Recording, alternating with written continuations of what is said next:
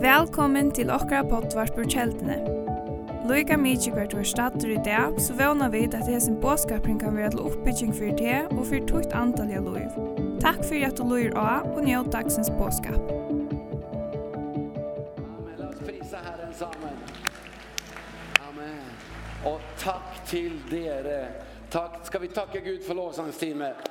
Ja, det var Amen. Randi, om du kommer upp här. Alltså, jag och min hustru Randi, vi har blivit förälsket eh, i varandra och i Färöarna. Ja, ja, ja. Amen. Så eh, det har varit eh, fantastiska dagar för oss att vara här. Det har varit som ett äventyr att uppleva landet och uppleva naturen, människorna, men först och främst att uppleva dere och vad Gud gör här. Ja, vi har haft helt fantastiska dagar här. Jag har varit lite i chock Eh, Jag, jag visste inte egentligen vad som väntade, men man visste ju att Färöarna var ett förhållsvis litet land med inte så mycket folk. Så, så att vara till stede på en sån här konferens, påskestevne, eh, och möta så mycket fantastiska människor på ett sted, det var långt över förväntning. Långt över. Så så vi jag må tacka så väldigt Halleluja och lite till. Ja. Va. Så jag må, jag må tacka för för deras fantastiskt goda hjärter, brännande hjärter som älskar Jesus. Eh så vi har virkelig, som Mats Ola sa, vi har blivit väldigt glada i dere. Så vet vi att Gud har så mycket för dere och ting som han önskar att göra genom dere. Så väldigt spännande tider. Amen. Vi lever i. Ja. Det är det. Nej.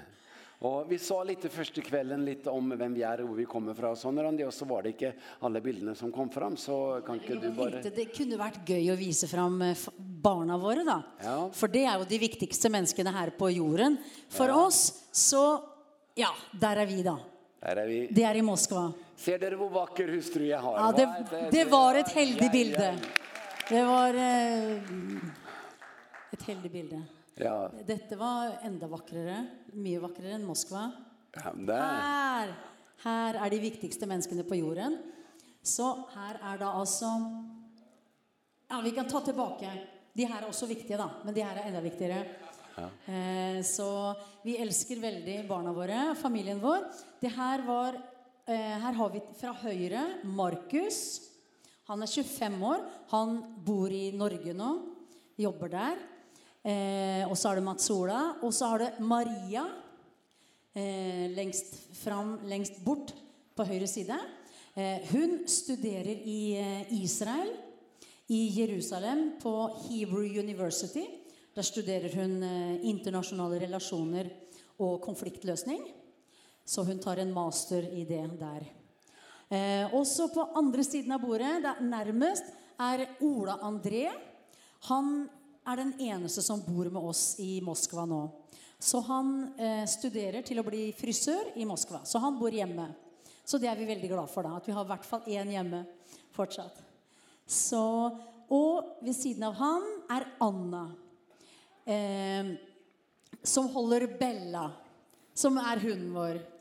Eh, en liten vesti, West Highland White Terrier. Så Anna, hun bor i Norge og studerer til å bli kokk. Så barna er litt, litt overalt. Så sånn er det. Ja. Ja. Så, så hadde vi en par, med, par møte, bilder fra menigheten da, for ja. dere som ikke var her på... Ja, her er kirka, ja. eh, kirka vår, så der står man sola og preker. Eh, så, han, så her har vi da mange gudstjenester hver, hver helg, eh, både lørdag og søndag, fra morgen til kveld. Eh, Masola preker på fem, og Eh, men vi har också fra morgenen på lördag så har vi för eh, för den äldre generationen och så har vi på armensk eh gudstjeneste och så startar Mats Ola på lördag kväll och förkynner på eh, på lördag kväll och fyra gånger på söndag. Eller två gånger på söndag. Och så vietnameserna på kvällen. Och så är det vietnameser igen på kvällen ja. ja. Så det är den det är den största lokalen vart och så har vi ett till som eh, också ligger i Moskva eh, sentrum, men i sør. Og der har vi også forskjellige gudstjenester da. Ja, ja. For å si det kort. Ja. Så, men vi vet at hvert enkelt menneske er unikt, dyrebart, elsket av Gud.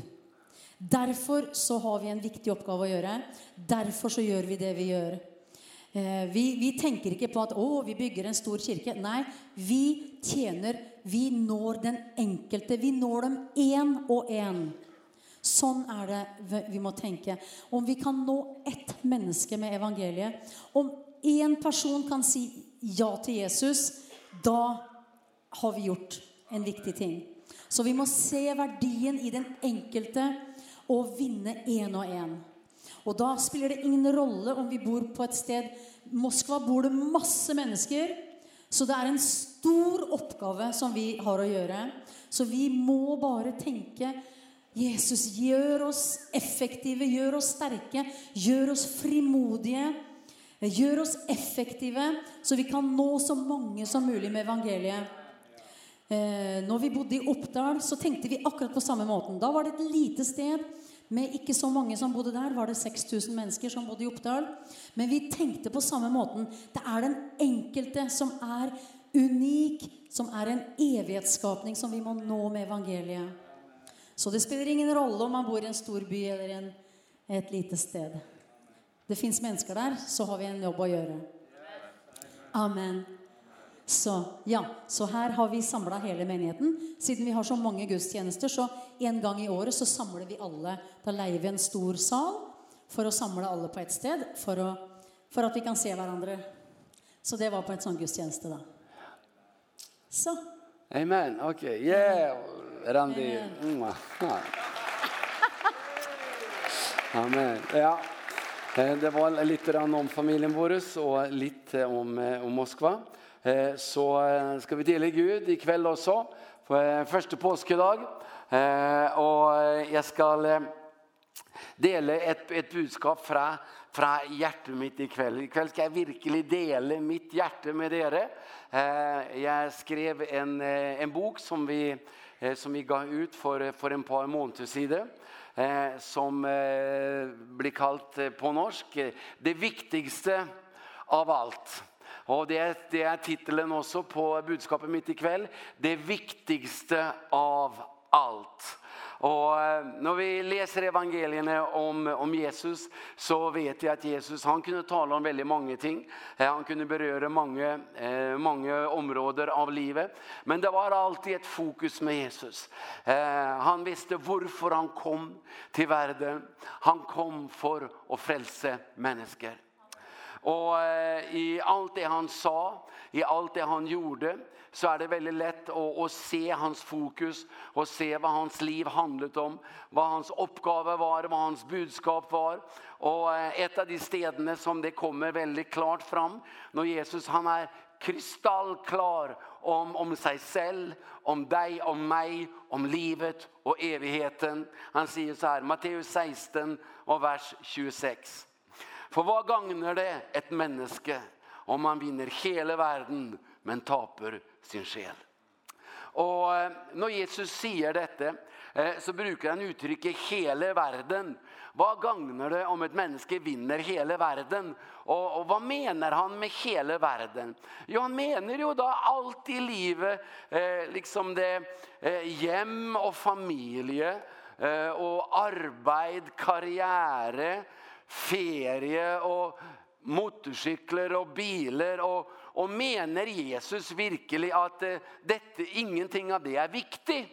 Nej, det är inte det han säger. Det är mycket av detta är viktigt. Men det han säger det är att det finns något som är det viktigaste. Och det är din själ. Och det finns ingenting i livet som kan sammanlignas med spørsmålet Hvor går din själ när livet är över. Han snakker om han snakker om en en grunnvoll som som kan vara där alltid att om din själ är frälst Om du är ett Guds barn, om dina synder är tillgitt, som du tänker på den här plattformen här nu, som en grundvoll som Mats Sola står på. Att det är så många ting som förändrar sig i livet. Det är goda dagar och det är vanskliga dagar. Och jag är frisk och jag är inte frisk. Och jag är glad och jag är inte glad. Men jag står på något som aldrig förändrar sig. Men jag lever mitt liv på en grundvoll som är evig. Och det är Jesus Jesus Kristus och vad han har gjort för mig. Min själ är frälst. Och det är grundvålen för livet mitt. Och det är vad Jesus ville att alla människor skulle förstå. Selv om alla andra ting i livet selvfølgelig är viktiga och Gud bryr sig om alla ting. Om ditt äktenskap, om dina barn, om din karriär, om din ferie, om din bil och, och allt som har med, eh, med liv att göra. Men Jesus hade ett fokus och det fokuset var hela tiden evigheten. Hele tiden var det det. Om hans eget liv. När han talte om sig själv. Jag går till faderen. Han visste den tid han hade på jorden var begränsad. Han visste hvor han gick. Og han visste att alla människor är på väg mot evigheten. Och därför så väckte han människan. Ristet dem ibland. Och han talade historier och lignelser. Och han prekte hele tiden för att få oss till att lyfta ögonen. Och se det stora perspektivet på livet. Och En av de historiene som, som han fortalte, den finner du i Lukas 16. Og der snakker han om en mann. Og skal jeg lese et vers i Bibelen om denne mannen som Jesus snakker om. Lukas 16, 19. Det var en rik mann. Si amen. Wow, hvor mange vil være en rik mann her? Jeg vil gjerne være en rik mann. Ja. Det var en rik mann som kledde seg i purpur og fineste lin, og som levde hver dag i herlighet og glede. Og liksom, ta, vet, vi skal ta litt innover hva han sier her. Han snakker om en mann som var rik. Og om vi er ærlige, så er det jo det vi egentlig vil alle sammen. Bigvi, hjelp meg her, ikke sant? Ja, det, det, jag, jag har ingenting emot att bli rik, jag ska vara helt, helt ärlig. Och så står det i tillägg om denne mannen. Han var rik och han klädde sig i purpur och finaste lin. Nu är dette gammelt språk. I Idag betyder det att han körde BMW och hade hus i Italien. Det, det är purpur och fint lin idag. Så han var rik och han hade allt man kunde önska sig. Men inte bara det, han levde hver dag Si hver dag. Hver dag i härlighet och glädje. Med andra ord, han var lycklig. Han var glad hver eneste dag i sitt liv. Han opplevde verken depresjon, han opplevde, liksom, opplevde ikke store vanskeligheter.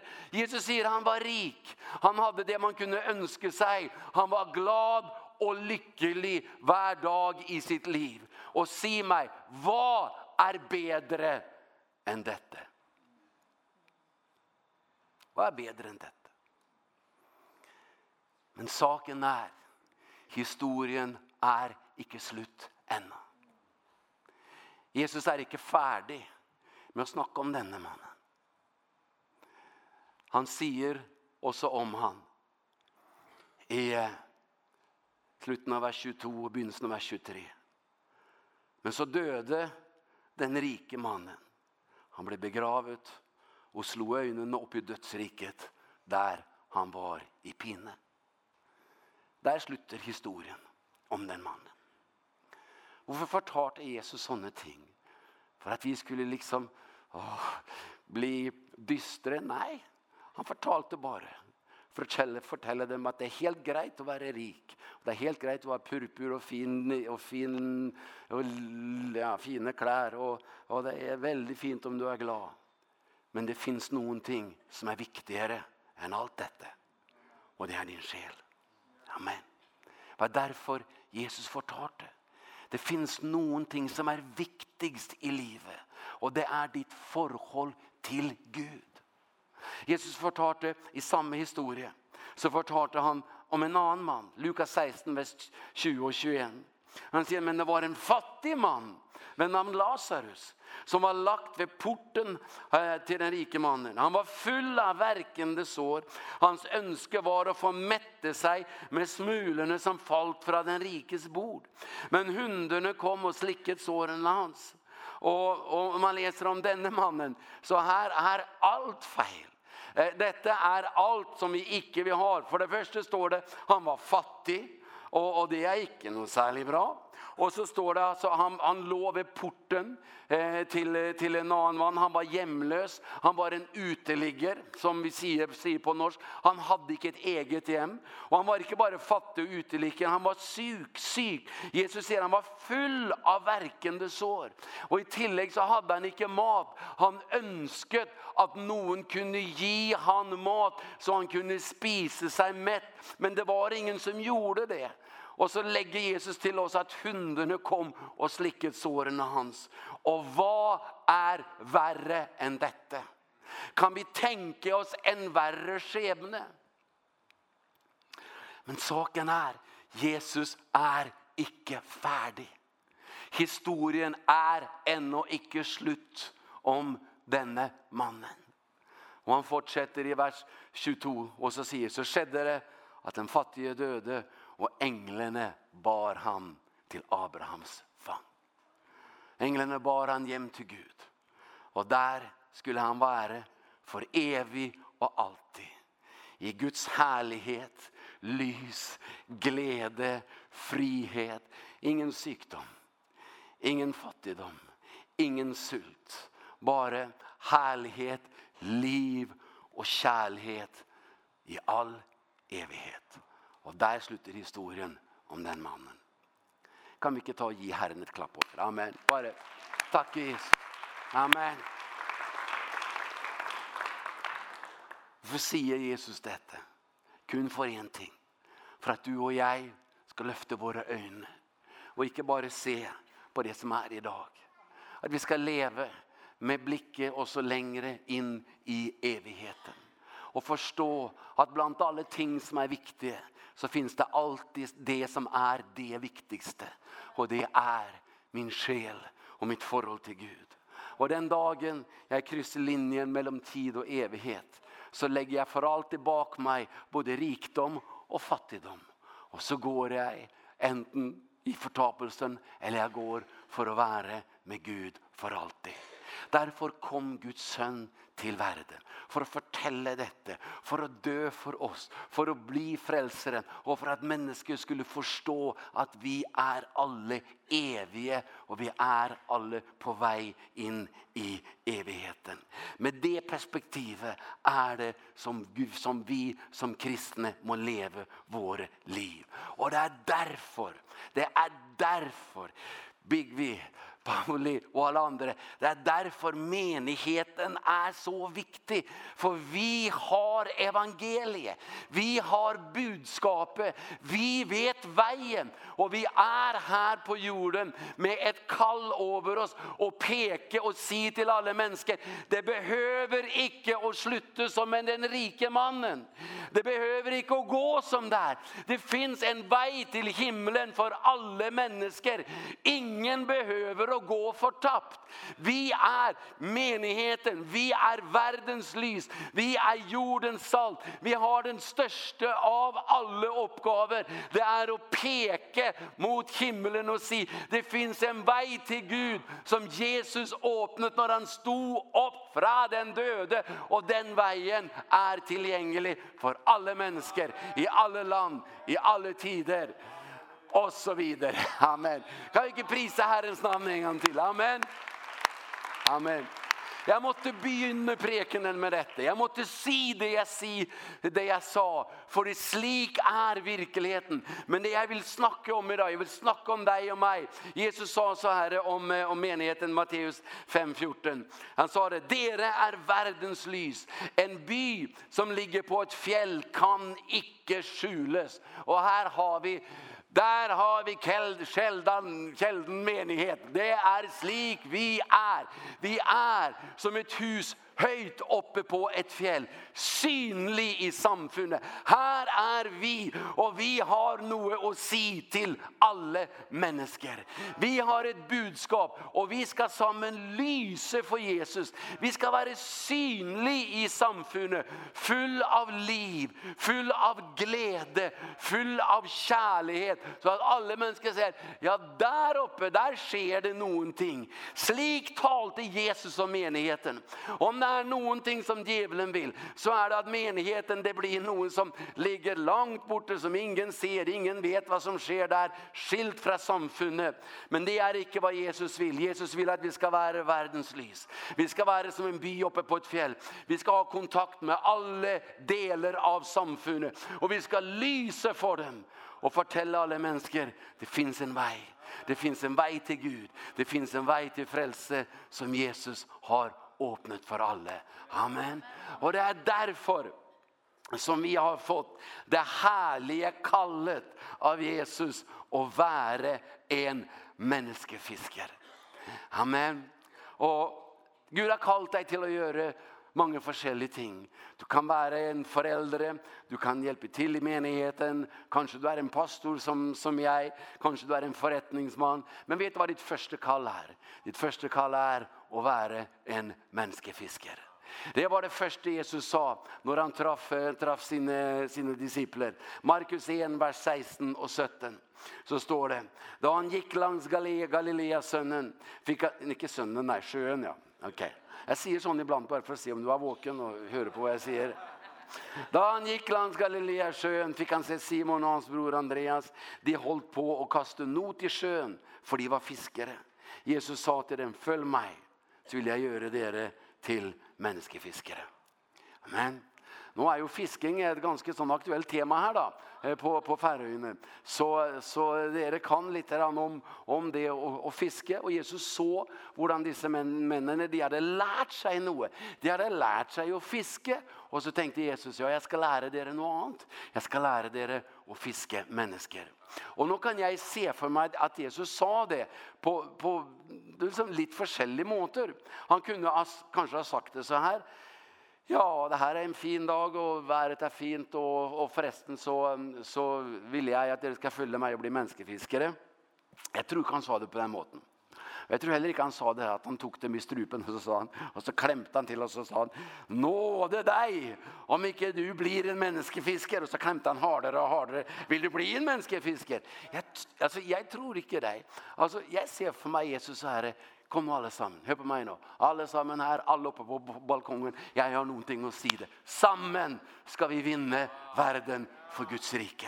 Sammen ska vi vara världens lys och jordens salt. Sammen ska vi bära evangeliet ut till människorna att frälsaren är uppstått, himlen är öppen och vägen till ham är öppen för alla människor. Vill dere vara med och spre evangeliet?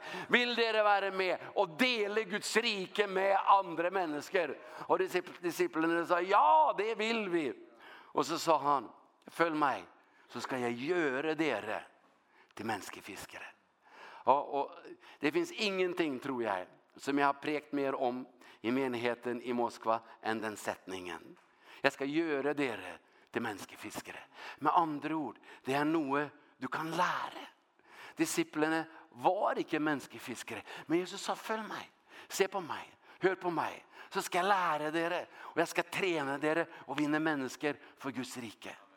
Noen ganger så trener vi mennesker i menigheten til, til alt mulig annet. Vi, vi trener dem å bygge ekteskap, vi trener dem å, å oppdra barna sine, vi trener dem i å gi kollekten, men vi trener dem ikke å bli menneskefiskere. Og det er jo ikke noe rart at ingen blir frelst heller. Ja, Amen, okej, okay, det där med mig, inte sant? Det var det Jesus sa. Och i tre och ett halvt år så underviste han om dette, og han viste dem. Han viste dem hvordan man, man kan gjøre. Han demonstrerte, han, han för for dem, han sendte dem ut, han trente dem, han lærte dem å vinne mennesker for Guds rike. Og det er hva vi skal gjøre også. Amen. Så Og så har jeg en, en setning her som jeg vil at vi skal slå opp her. Det er ikke vanskelig.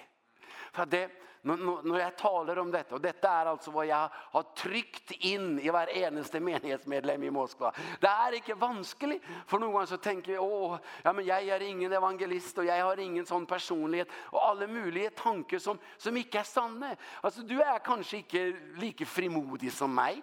Kanske du ikke har min personlighet. Det gör ingenting.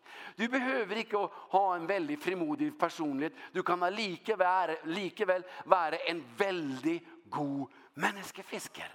Det finns så många måter vi kan fiska människor på. Det finns så många måter vi kan spre evangeliet. Och jag tror att djävulen ofta vill plante den tanken i kristnes att ja, men jag är inte sånt och, och jag kan inte det och jag har inte upplevt uppnådd så mycket. Och så sitter man och tänker detta istället för att alle i menigheten reiser seg, barna, tenåringene, ungdomarna, pensionisterna, de vuxna allesammans og sier, det är klart vi ska bli människofiskare. Det var ju det Jesus sa. Dette var hans första kall. Om noen skal bli menneskefiske, så er det selvfølgelig være meg. Amen. Amen. Takker, Ja, Amen. Jeg har Randi med meg på lag her nå. Amen. Amen. Vet du, jag, jag var på kontoret mitt för, för en par uker sedan och så sent på kvällen jag var där och bad eller vad jag gjorde och så, så har vi en dame som jobbar med att vaska menigheten eller lokalerna. Och mens jag satt där så gick dörren försiktigt upp och så, och så var hon på väg in så fick hon se mig. Åh, unnskyld Matola, unnskyld, unnskyld, sa. Nej, nej, kom in, sa jag. Hon skulle bara tömma söppeldunken och ordna lite och sånt. Så, och, och så, men så var det en äldre dame så bara spurte jag Kan ikke du fortelle meg hvordan du ble frelst? Og da ble hun glad. ja, så. Og så fortalte hun meg sin historie. Veldig enkelt. Hun sa at jeg var ung, jeg var i 20-årene, og mitt liv var helt, helt mørkt, sa hun. Fortalte at hennes familie var veldig ødelagt. Det var mye psykisk sykdom, sa hun. Det var selvmord, og, og alt var bare mørkt. Men på jobben så var det en dame, og hun fortalte meg at hun var kristen. Hun fortalte meg om Jesus. Och så sa hon det. Och det var väldigt lite hon sa. Så det var väldigt lite hon sa. Men det var nog och för att jag fick lust till att gå i kyrkan. Och det gjorde jag. Och så blev jag frälst. Och nu har jag varit frälst om det var där i, i, i 30 år som hon sa. Och hon bara lyste när hon fortalte det. Och så Och så gick hon ut. Och så 10 minuter senare så bankade hon på dörren. Och så, så kom hon. Du Mats Ola, jag ville bara understreka det, sa hon. Att den damen, det var så lite hon sa. Og jeg tenkte, takk Gud for den hilsningen. Og da kunne jeg gi den til menigheten etterpå. Det var så lite hun sa. Tenk ikke at det er vanskelig. Den hellige ånd er med deg. Gud faderen er med deg. Englene er med deg. Du behöver ikke vara någon predikant. Du behöver ikke ha någon väldigt stark utadvendt personlighet. Vi kan alla vara världens lys. Om vi sier, her er jeg, Herre, send meg, gjør meg til en menneskefisker. Og alt Guds folk sa. Amen. Amen. Så derfor her i kveld, så skal jeg bare ta Og ska vi se lite grann på Jesus en liten stund. Det, och se om vi kan lära någonting av ham. Okej okay, Jesus, du tränade disciplinerna så trän oss lite nå ikväll i det att vara en människofisker. Och, och det finns så mycket som vi kan se om Jesus när han sa och när han visste. Men, men ikväll nå ska jag bara eh, ge dig tre lektioner om att vara en människofisker från livet till Jesus. Okej? Okay?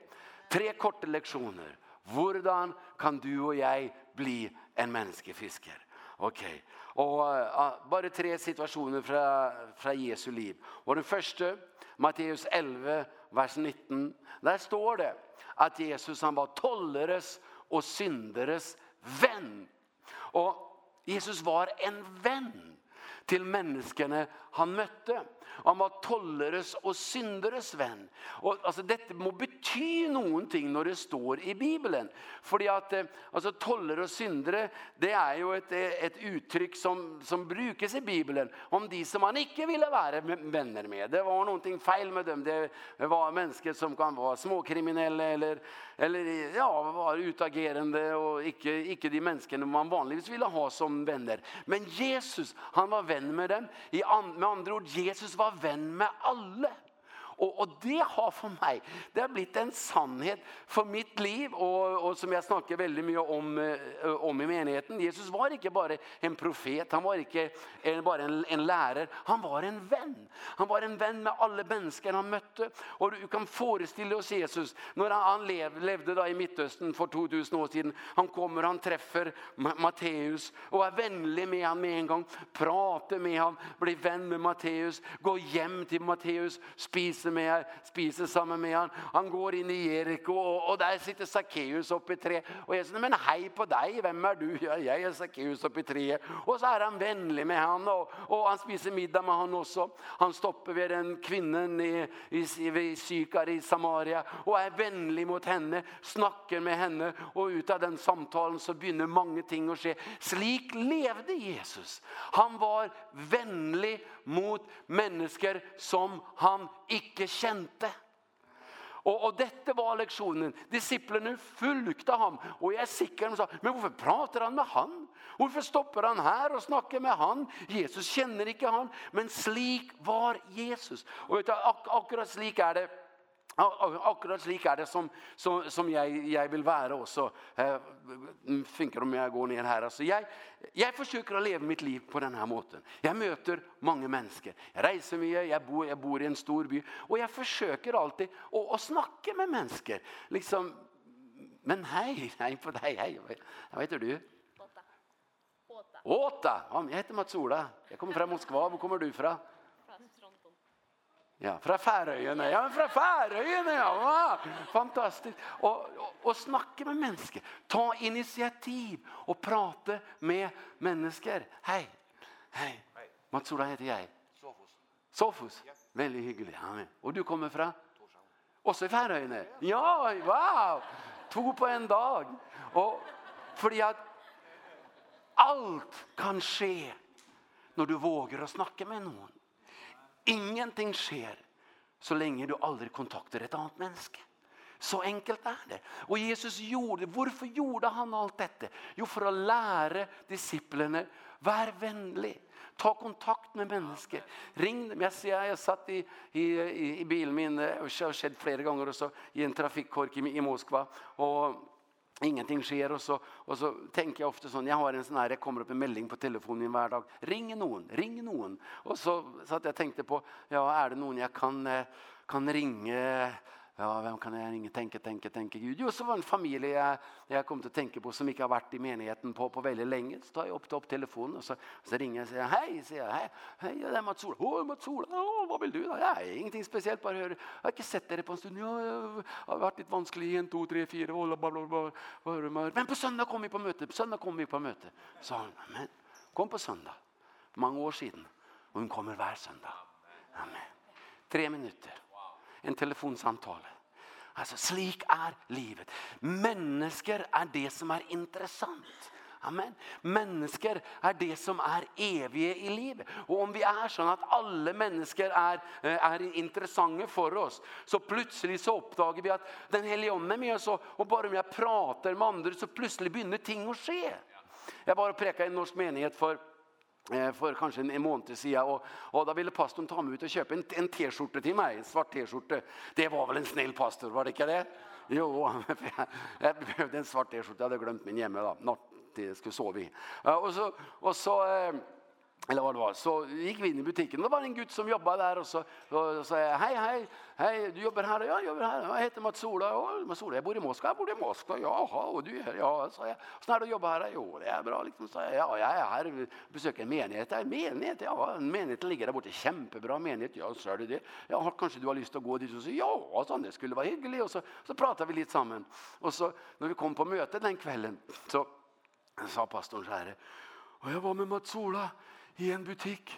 Og han begynte å prate med den mannen som jobba der. Og han inviterte han til menigheten vår. Og alle, ja! Begynte å klappe. Vet du, altså, det var, det var ingenting. Det, altså, en samtale. Altså, som, det blir en livsstil. Vi prater med mennesker.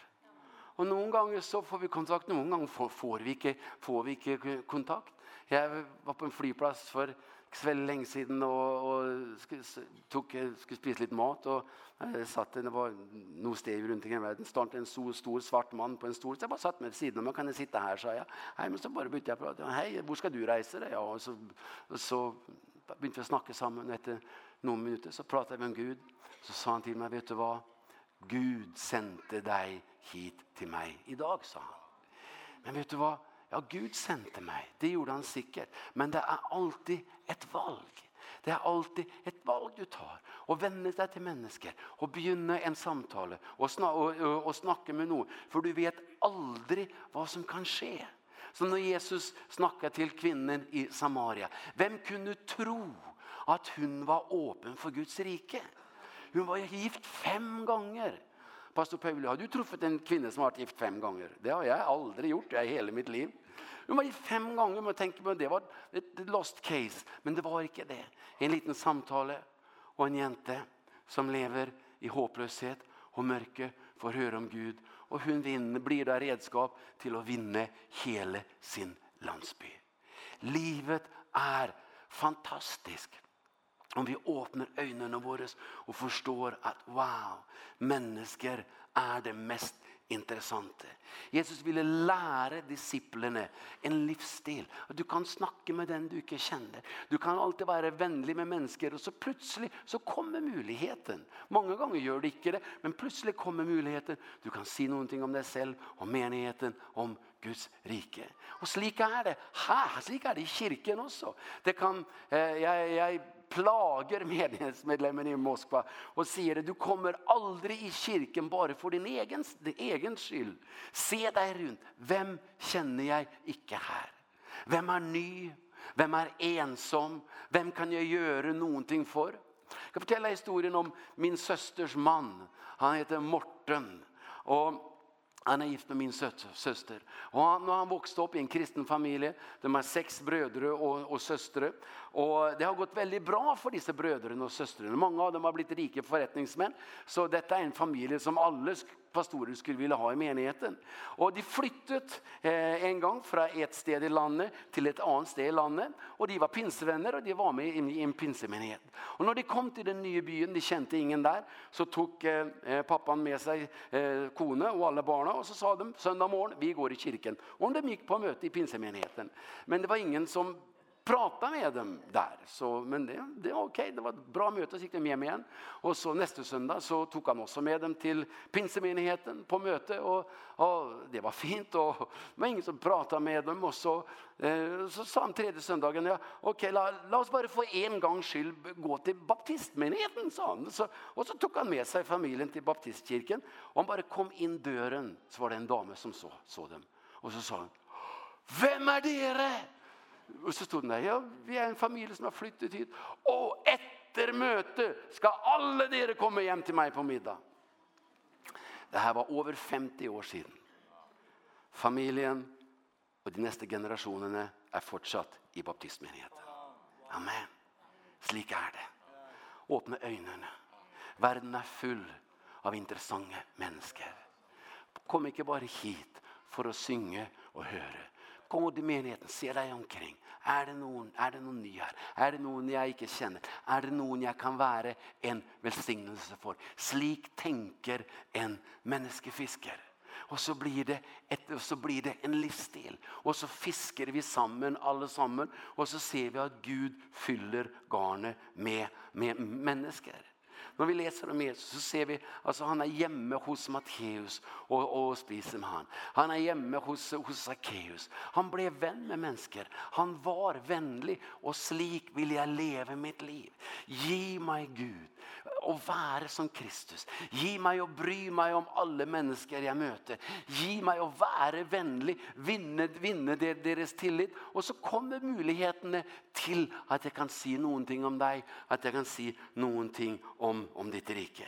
När, när vi har våra pastorsamlinger, vi har ju ganska många pastorer i menigheten, en, en, kanske plus minus 50, 50 pastorer i menigheten i Moskva. Och när vi har våra samlingar så, så plejer jag ofta att spørre dem, det första när vi kommer samman, vem har dere vittnet för i uken som har gått? Och och och og då är det väldigt bra om någon har något att säga si, då. Pastorer er også menneskefiskere, inte sant? Ja, men takker han det. Ja, men har vi ett pastorer er også menneskefiskere, ikke sant? Ja, så spør jeg om det Og då og då vet hun det liksom at att som kommer mot sola spør, De, de har fortalt mig det här. Så många av dem när de när de kommer med taxi då till eh till til pastorsamlingen, så, så skynder de seg å vittne litt for taxisjåføren. Da. Så de har noen ting å si, ja, jeg har gjort, gjort noen ting. Men litt sånn her, altså, som vil jeg at menigheten skal være. Jeg vil at vi skal møte hverandre, oppmuntre hverandre. Vi er verdens lys. Og det finns ingenting viktigere. Ingenting viktigere enn å spre evangeliet i verden. Jesus var tolleres og synderes venn. Han stoppet og pratet med mennesker.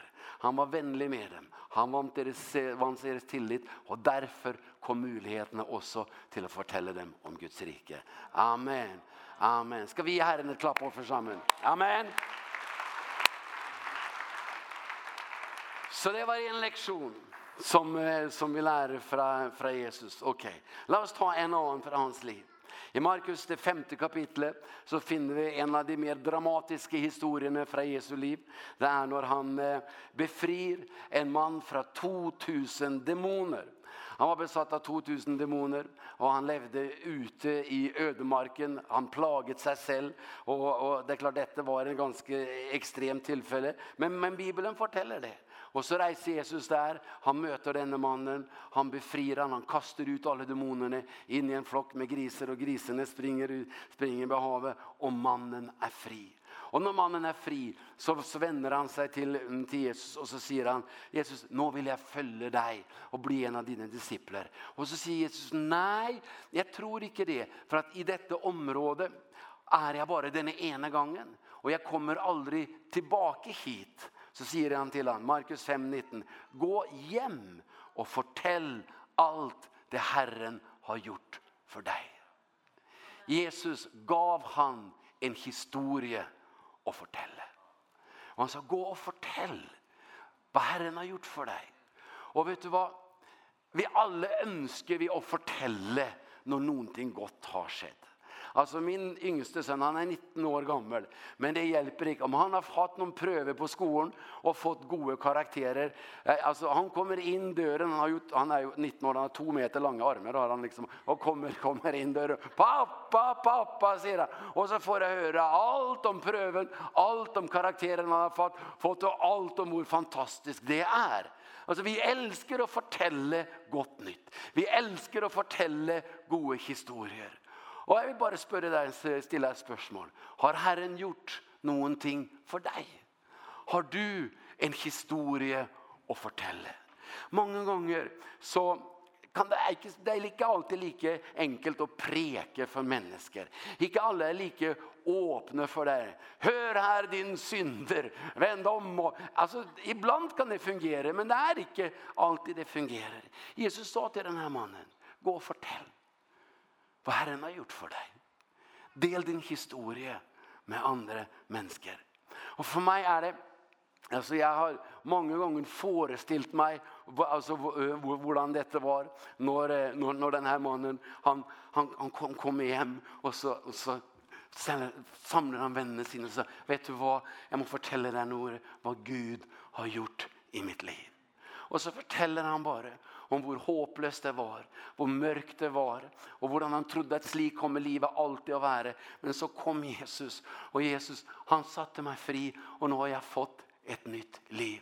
Och jag kan se hur människorna står runt omkring han och, och, och vill höra på han. För de alla älskar en historia som det. Och jag, jag snackar mycket till ungdomen i menigheten och jag säger lär dig utan natt din historier.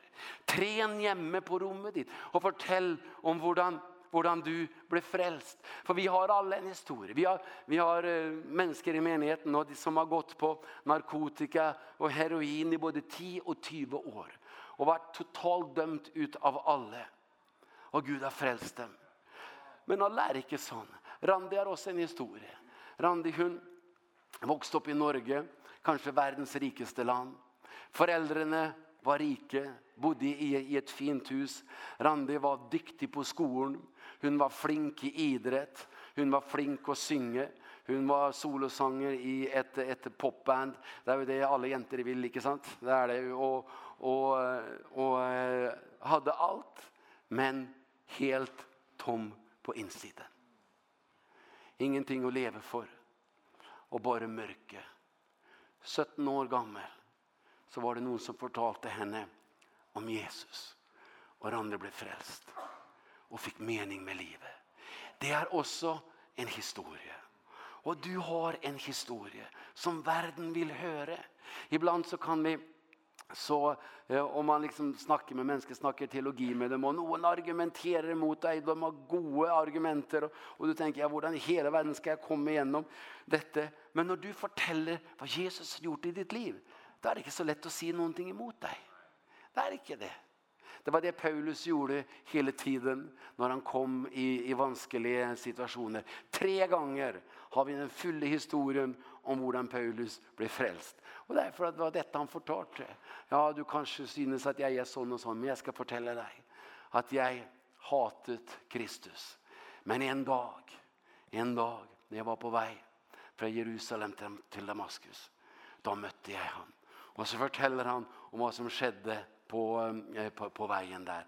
Han hade en historia. Och han fortalte den historien gärna. Och om du tänker efter, ja men vad har Gud gjort för mig? Vad skulle jag kunna fortälla andra människor när det blir, blir, blir naturligt? Så har du ett väldigt gott redskap till att vara en människofiskare.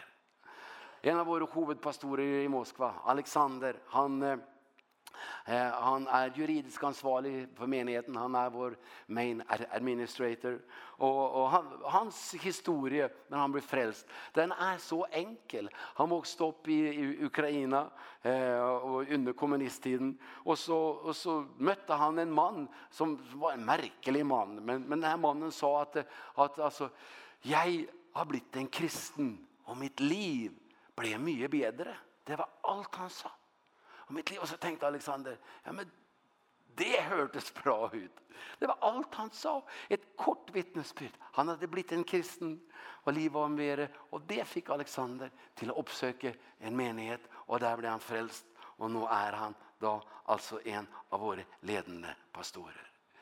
Jesus visste disiplerna att de hade historier att fortälla. Historier du kan fortälla på sociala nätverk Historier kan, som du kan, kan fortelle når du har bursdag og inviterer venner. Historier du kan fortelle over en kaffekopp når det blir naturlig. Ibland finns det ingen bedre måte å presentere Jesus og evangeliet på enn å bare si hva Herren har gjort for deg. Hva Guds folk sa. Amen. Så det var den andre lektionen. Så har vi en lektion till. Johannes, det första kapitlet.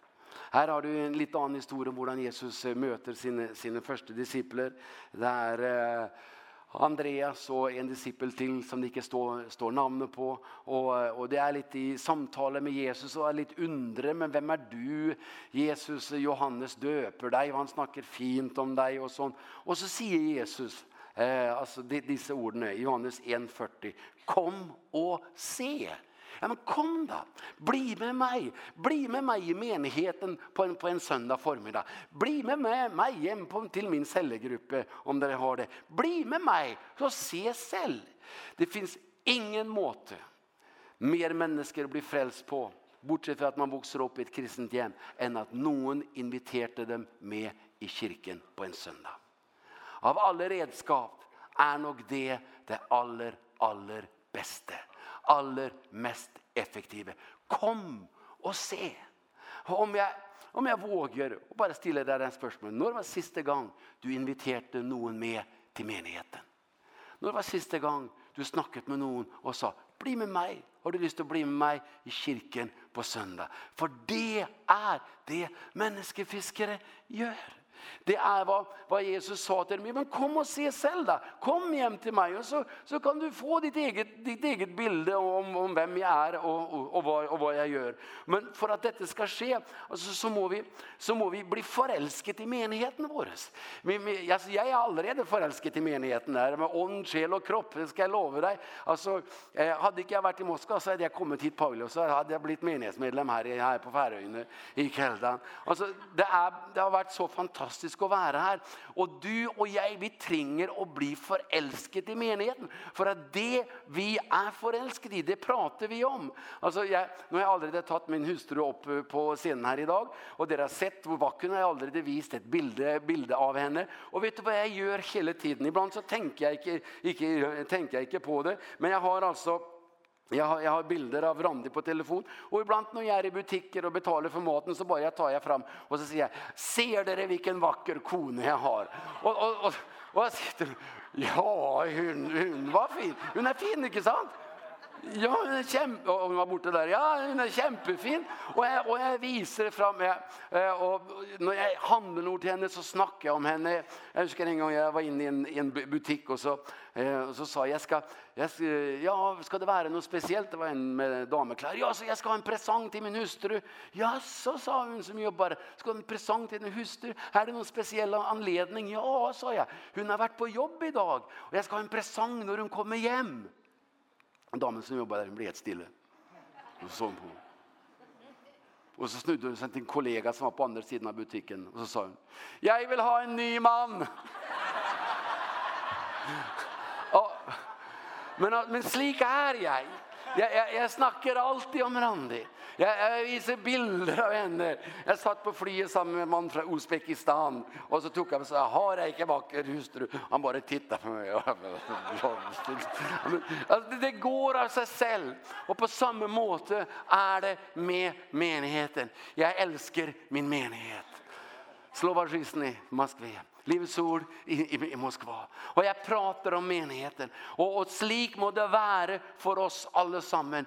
Menigheten er min familie. Menigheten er Guds rike. Menigheten er det beste som skjer i løpet av uka. Søndag formiddag, vi går til kirken. Og det må fylle livet ditt. Så det blir naturlig også å snakke om, jeg er så glad at jeg er med i en menighet. At jeg har et kristent fellesskap. At jeg er venner og vi hjelper hverandre og vi ber for for hverandre. Och da, om, du, om du kan snacka om menigheten på den måten där så blir det också så lätt å be med människor. Och och för at, att alltså det är ju det vill alltid vara sånn att kan någon komme upp och ta ta en piano här nå? Det vill alltid vara sånn att när vi snackar med människor så det är inte alltid att alla kommer. Självklart är det inte det, men kanske de kommer en annan gång. Kanskje de kommer en senere gang. Om du sår noe inn i et menneskeliv, kanskje du gir dem noe å tenke på. Du skal aldri, aldri noen gang være beskjeden når det gjelder din menighet, din kristne familie. Nei, dette er hva Gud har gitt oss. Og vi elsker hverandre. Vi elsker Guds hus. Finns det et finere hus enn dette på Færøyene? Nå skulle du si nei da, vi tar det en gang til. Finns det et finere hus enn dette på Færøyene? Nej, nej, det är ju kanske om du kommer från en annan menighet så syns det att deras hus är finare. Och det, det, är, det är helt okej. Okay. Men det gör inte något. Finns det något bedre som sker i uka en söndag förmiddag när vi går till Herrens hus för att prisa hans namn? Det gör inte det. David sa i psalm 122 I was glad when they said to me Let us go to the house of the Lord. Jag var glad när de sa till mig Låt oss gå till Herrens hus. Någon sa till han, bli med mig. Bli med mig till Herrens hus. Och ja, jag har fått tryckt upp såna här små visitkort i menigheten som, som jag älskar att ha med mig. Där det står bara, välkommen till vår menighet, mötetider och så. Ge det till någon, någon gång. När jag är ute och flyr så plejer jag Uh, ofta snackar med en person som sitter vid sidan av mig och om personen då om vi flyr till Moskva, bor i Moskva så pleier jeg alltid att invitera dem till kyrkan Och de allra flesta kommer aldrig. Gör inte det. Men har satt vid sidan av en gutt en gång. Och hon gutt pratade med han. Inviterade han. Han kom. Och gav sitt liv till Jesus. Två veckor senare kom han tillbaka med sin, eh, med sin väninna. Amen. Kom och se.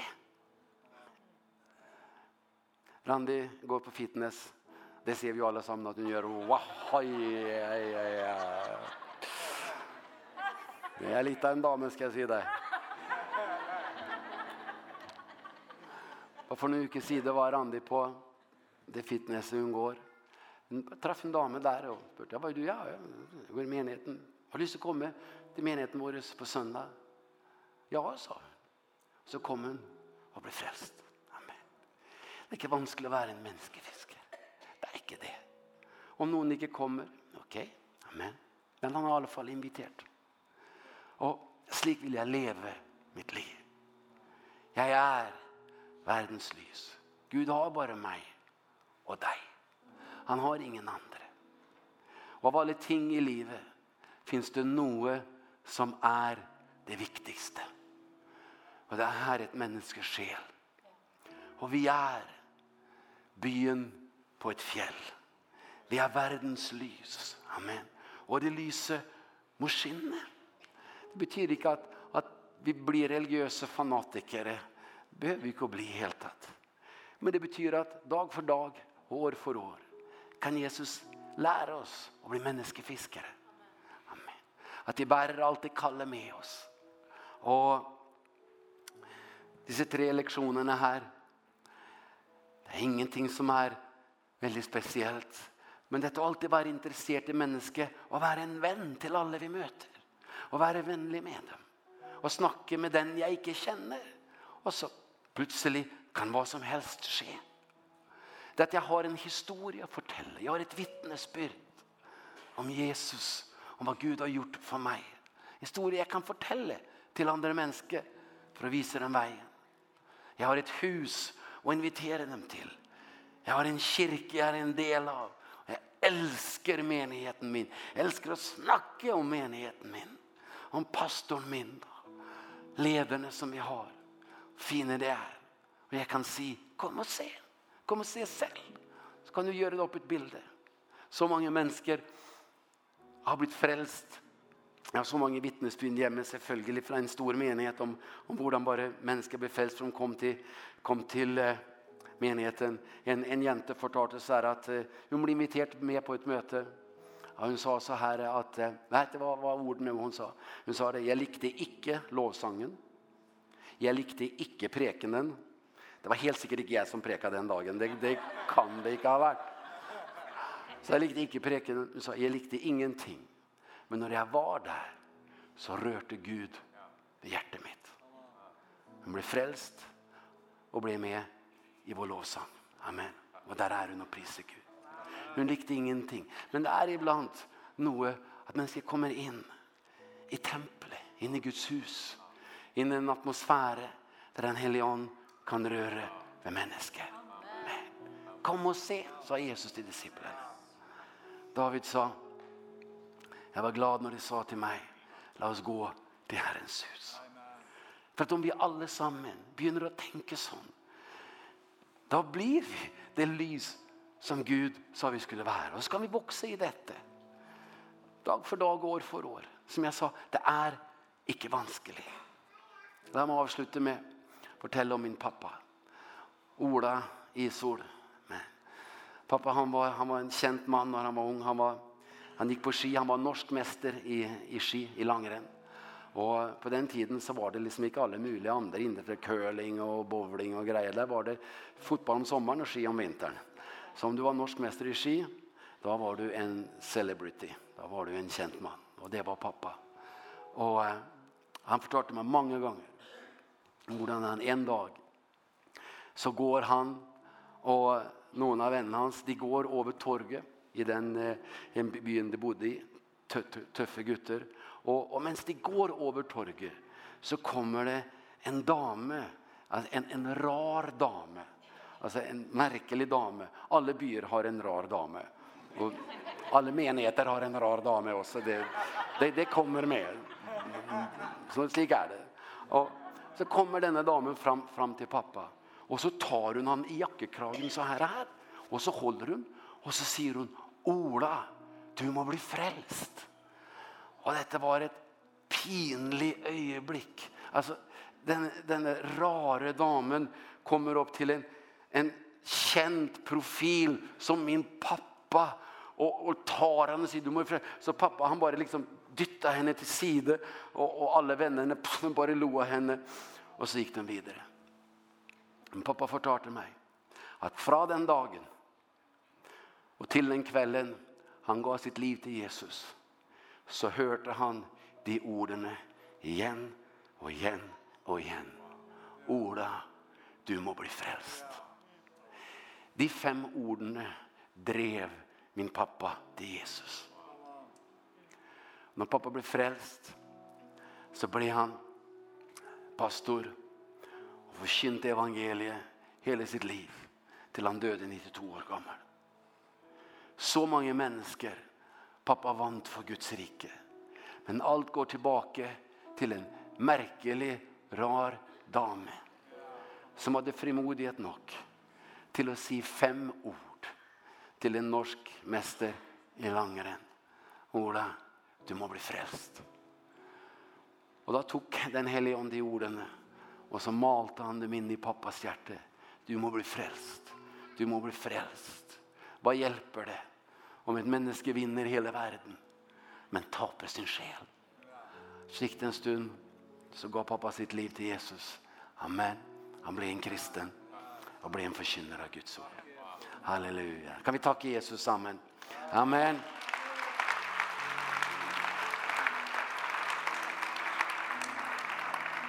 Kan vi stå på allesammen? Kan vi få låsangene till att komma upp här? Jag sa, det här var mitt sista möte. Och jag sa att jag skulle ville dela hjärtat mitt med dig ikväll. Och det är det som jag försökt och gjort. Jag är pastor, jag är inte profet eller eller ja. Jag är pastor och och min uppgift är att vara enkel. Min uppgift är att leda flocken. Och jag vill tala på en måte att människor förstår vad jag säger. Det betyder inte att inte profeter gör det också. Men, men, men jag är en, en hyrde. Det är det jag är. Och jag vet av att alla, det är så många ting som jag som pastor må göra. Det här att trösta människor och, och, och ha counseling med människor. Och hjälpa på må, många måter. Och vi hjälper de fattiga. Vi har ett stort sociala, sociala arbete i menigheten. Men jag vet också att det finns någonting som är viktigare än allt annat. Och det är det att vi som menighet är världens lys. Att inte vi stänger oss inne i ett rum och bara har det väldigt fint samman vi tre här. Och det är så fint. Nej, vi må vara en menighet som lyser på samfunnet. Vi må lära av Jesus som gick ut och mötte Matteus och mötte Zacchaeus och mötte kvinnan i Samaria och gick på begravelsen i Lukas 7 i byen Nain og snakket med enken, enken der. Vi må være en menighet der alle menighetsmedlemmer tenker så her, jeg er en menneskefisker. Kanskje ikke den beste, og jeg kanskje ikke er så frimodig, men, men jeg er en menneskefisker. Og vi arbeider sammen. Vi er på ulike nivåer, og vi har ulike gaver, men vi er alle en menneskefisker. Det är vårt kall. Och när vi tänker så kommer den hellige ånd til till arbeide bland oss. Menigheten kommer till att växa. Och vi kommer att glädja oss med eneste själ vi ser som går från död till liv. Far, jag tackar dig Gud för Färöarna. Tackar dig Gud för menigheten här, Fader. För pastor Pauli, Gud. Tackar dig Gud för pastor Bigvi, Fader, for andre ledare här for deres familie. Takker deg for alle menighetsmedlemmer, Fader. Takker deg for andre pastorer som har vært med oss i kveld, og mennesker som kommer fra andre menigheter her i Færøyene. Takker for alle de som har sett oss på internett, Herre. Og jeg bare ber, Gud, kom nå med din ånd. Kom med din, din glede i våre hjerter. At vi kan se det herlige kallet vi har. At vi er alle menneskefiskere. Og at du kan lære oss, Herre, å fiske mennesker. At lyset kan skinne sterkere, Fader, gjennom oss alle sammen. Lær din ånd, Fader, bare løfte alle hjerter, Fader. At ikke vi tenker på hva vi ikke kan. At ikke vi tenker på hva vi ikke har gjort. Men at vi bare tenker på at du er med oss, og du hjelper oss, Herre. Og lyset skal skinne her i verden. Amen. Amen.